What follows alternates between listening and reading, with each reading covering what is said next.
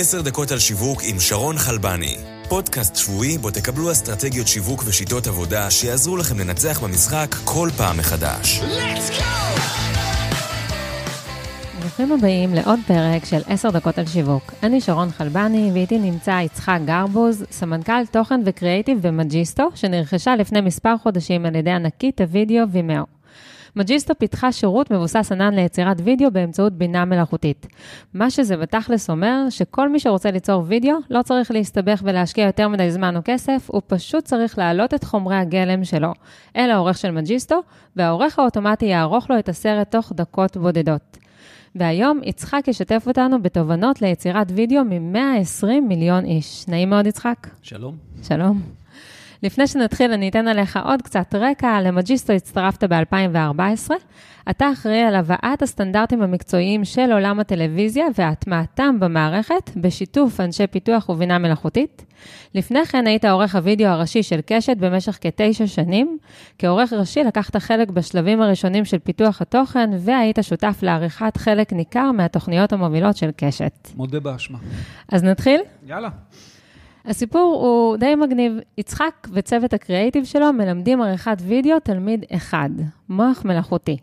המוח והעורך המלאכותי מפיקים סרטונים לכ-120 מיליון משתמשים. מי שרוצה יכול לבקש שינויים, שאותם מבצע העורך המלאכותי. במקביל, המוח המתוחכם לומד ומשתפר מהבקשות האלה, כך שבפעם הבאה יוכל להפיק סרטונים ברמה גבוהה יותר, ממש כמו עורך אנושי בחדר עריכה שלומד מכל לקוח ומכל הערה. אז בפרק הזה יצחק ישתף אותנו בתובנות ליצירת וידאו שהוא והמוח המלאכותי למדו. אז בואו נתחיל. קדימה. קדימה. יאללה.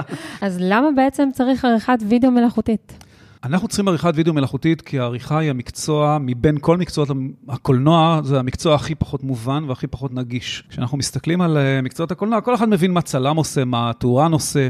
עורך לא באמת אנשים יודעים, וגם כשהם חושבים שהם יודעים, הם לא באמת יודעים.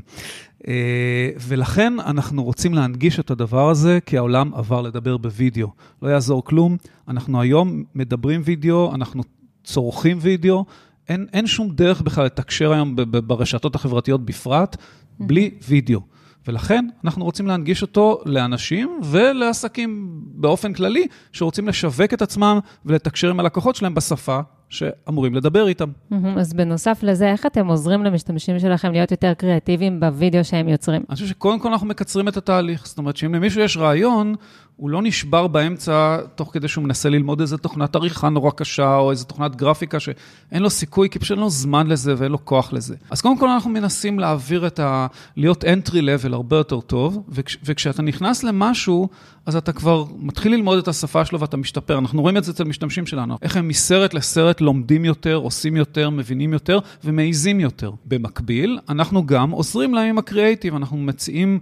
אני לא אוהב את המילה הזאת טמפלטים, כי זו מילה איומה מבחינה קריאטיבית, אבל, אבל אנחנו כן משתדלים להציע להם הצעות מתומפלטות של סיפורים, של קריאייטיב מסוים, ושוב, לא מתוך ציפייה שהם ייקחו את זה as is דווקא, הם חלק עושים את זה, זה בסדר, אבל בפירוש יהיה להם איזשהו גרעין של רעיון, איזושהי דוגמה לרעיון קריאטיבי טוב, קחו את זה מפה, תעופו עם זה, תשנו את זה. אנחנו רואים יוזרים שלוקחים את הטמפלטים שאנחנו מכינים להם, חלקם פשוט משתמשים בזה as is, וחלקם פשוט משנים את זה ברמות שאנחנו פשוט, אנחנו לא מזהים כבר את הטמפלט שיצרנו, mm-hmm. כי יש פה אורך. כן, איך אתם מתמודדים עם אנשים שלמשל אין להם את היכולת לשלב צבעים בעצמם, או שאתה יודע, לא אנחנו, לא מניחים אנחנו, בדיוק? אנחנו, כמובן, המערכת נותנת את הפלטה הנכונה וההמלצות, ואת הפונט הנכון שמשתלב עם הגרפיקה, ואנחנו מבקשים ממך בסך הכל להטעין לנו את מספרי צבעי המותג שלך. אנחנו כבר מזריקים אותו במקומות הנכונים, בטרנזישנים הנכונים, זאת אומרת, אנחנו ממתגים את הסרט בעצם בצורה אוטומטית. שוב, תרצי להשתולל, אהלן וסהלן, ניתן לך. אבל מראש נשמור עלייך טוב טוב, שתקבלי את התוצאה הכי מקצועית שתוכלי. כמה אנשים משתוללים, ואפשר להגיד, הורסים לעצמם את ה... אני לא חושב שהם הורסים לעצמם, הם משתוללים והם נהנים, וזה בסדר. אני חושב שכל אחד, תראי, עסקים קטנים הם לא קוקה קולה ולא נייקי, זאת אומרת, המילה מותג זה לפעמים מילה קצת גדולה על מה שהם עושים. אז שוב, מי שיש לו מודעות ורוצה להיות ממותג, מעולה, הוא גם יכול לעבוד מצוין, ומי שגם בא לו כל יום להחליף את הפלט הצבעים שלו ולהשתולל ולהיות צבעוני, מברוק, שיעשה את זה. אוקיי, בואו נדבר קצת על אנשי קריאייטיב. לאן אנחנו צועדים? אנחנו צועדים לעידן שבו אנשי קריאייטיב יוחלפו על ידי בינה מלאכותית? אני חושב שלא, אני מאמין שלא, ואני מקווה שלא. זה בשלוש מילים. אנחנו רואים מצד אחד תופעות שנובעות נגיד מגופים ענקים כמו עליבאבא, שבאמת הכריזו שהם יוצרים קופירייטר המלאכותי וגרפיקאי מלאכותי ועורך מלאכותי עד סוף 2019, יש להם הבטחה כזאת, אני עוד לא ראיתי את זה פועל. אה, וכן, הם אומרים, אוקיי, יש לנו data driven ואנחנו פשוט נייצר מיליון קמפיינים, מה שיעבוד יעבוד, אבולוציה, והכל יעבוד אוטומטית. כן, המערכת פשוט תשפר את עצמה. אני מודה שאני לא לגמרי מאמין בשיטה הזאת, אני מבין אותה. אותה, אני מכבד אותה. אה, אני חושב שיש פה מתח בריא בין, שוב, בין קריאייטיב לדאטה, כולם מכירים את המתח המעניין והבריא הזה. Mm-hmm. אני לא חושב שצד אחד צריך פה לנצח. אני כן מאמין שאנשי הקריאיטיב עדיין ימשיכו להיות uh, uh, עמוד השדרה של כל העולמות האלה, והם ייתנו את הערך המוסף האנושי שאין לו תחליף לדעתי. כן, לדעתך יש מקום לשילוב אה, מהותי יותר של אנשי קריאיטיב בתעשיית ההייטק והסטארט-אפים? אני רואה היום תופעה שיותר ויותר סטארט-אפים, סוג של מתבגרים ומבינים שרק אנשי product ואנשי פיתוח לא, לא מספיק. צריך צלע קריאטיבית חזקה ועצמאית. וכשאני אומר חזקה ועצמאית, אני מתכוון ש, שזה לא, זה שאתה מחזיק שני אנשי קריאיטיב באיזה כלוב פונקציונלי בתור אה, ת"פ של שיווק, זה לא נקרא מחלקת קריאיטיב. אני חושב שאנשי קריאיטיב יכולים לתרום המון, להיות רדיקליים חופשיים, אבל לתת המון ערך מוסף וחשיבה מקורית, שתניע את החברה למקומות שהיא לא תמיד תכננה להגיע, אבל זה מקומות נפלאים ומעניינים, ובעיקר שיכולים להביא אותה למקומות הרבה יותר גבוהים ומצליחים. אז אני כיזמת, ואני רוצה אה, להעסיק עכשיו איש קריאיטיב, מה אני צריכה לחפש בקורות החיים שלו בשביל לדעת שהוא באמת... ישמש כדמות מרכזית אצלי בסטארט-אפ. אם הייתי צריך לענות לך במילה אחת, זה אמונה, או להט. זאת אומרת, יש באיש קריאייטיב המון להט והמון אמונה, אז רק צריך לרתום אותו למקום הנכון. והוא יביא את הסחורה. אין, אין לי ספק בזה בכלל. אוקיי. Okay. אמ, טוב, בוא נעבור עכשיו uh, למה שהבטחנו בתחילת הפרק. בוא קדימה. תיתן לנו uh, טיפים לאיך להפוך את עריכת הוידאו שלנו למהירה יותר ואפקטיבית. וכשאני. אומרת אפקטיבית, אני מתכוונת לכזאת שעושה את העבודה בממירה. כמובן, בשביל זה באנו. Uh, אז אני חושב שהטיפ הראשון הוא, חברים, אל תשווקו לי, דברו איתי, רגשו אותי, ספרו לי סיפור. אני חושב שזה כמעט קלישאה להגיד את זה, אבל, אבל אני אגיד את זה ונגיד את זה תמיד. אה, במיוחד עכשיו, כשאנחנו מוצפים במסרים, בפרסומות, מכל כיוון אפשרי. Mm-hmm. אני כבר לא מדבר על, על, על אנשים בגיל של הילדים שלי, שבאמת, הם פשוט חסינים לזה. זה לא עובד עליהם, זה לא משפיע עליהם. אתם רוצים לתקשר לקהלים, בטח לכאלה? שהילדים שלך, גילאי ה-20? אה, הקטנה בת 15, התינוקת. הקטנה בת 15, התינוקת. כן. אז, כן, והגדולה בת 24, ודרך אגב, בין הגדולה בת 24 והקטנה בת 15, אפילו ביניהם אני רואה את ההבדל בדורות.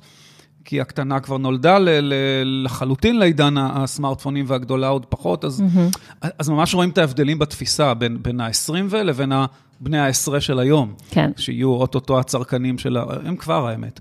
אז, אז, אז באמת, חבר'ה, זה לא עובד. את, אתם רוצים לדבר איתם? דברו איתם. בגובה העיניים, לא למכור בדיוק, להם. לגמרי, לגמרי. Mm-hmm. ואני חושב שווידאו הוא טכניקה נפלאה, כי וידאו לא משקר. בסופו של דבר יש משהו נורא אמיתי בווידאו. אם אני מוכר דירה ואני מראה אותה בווידאו, ולא בתמונות שצילמתי סטילסים, איזו הדרשה כן. נורא רחבה, נכון. הלקוחות מאמינים לי. כמה פעמים הגענו לאיזה צימר או למלון, שאמרנו, בואנה, זה נראה אחרת לגמרי. וידאו לא, לא גורם את ההרגשה הזאת. זה רחוב דו-סטרי בעצם. אה, אוקיי, אז דבר ראשון, לא למכור, כן. כן.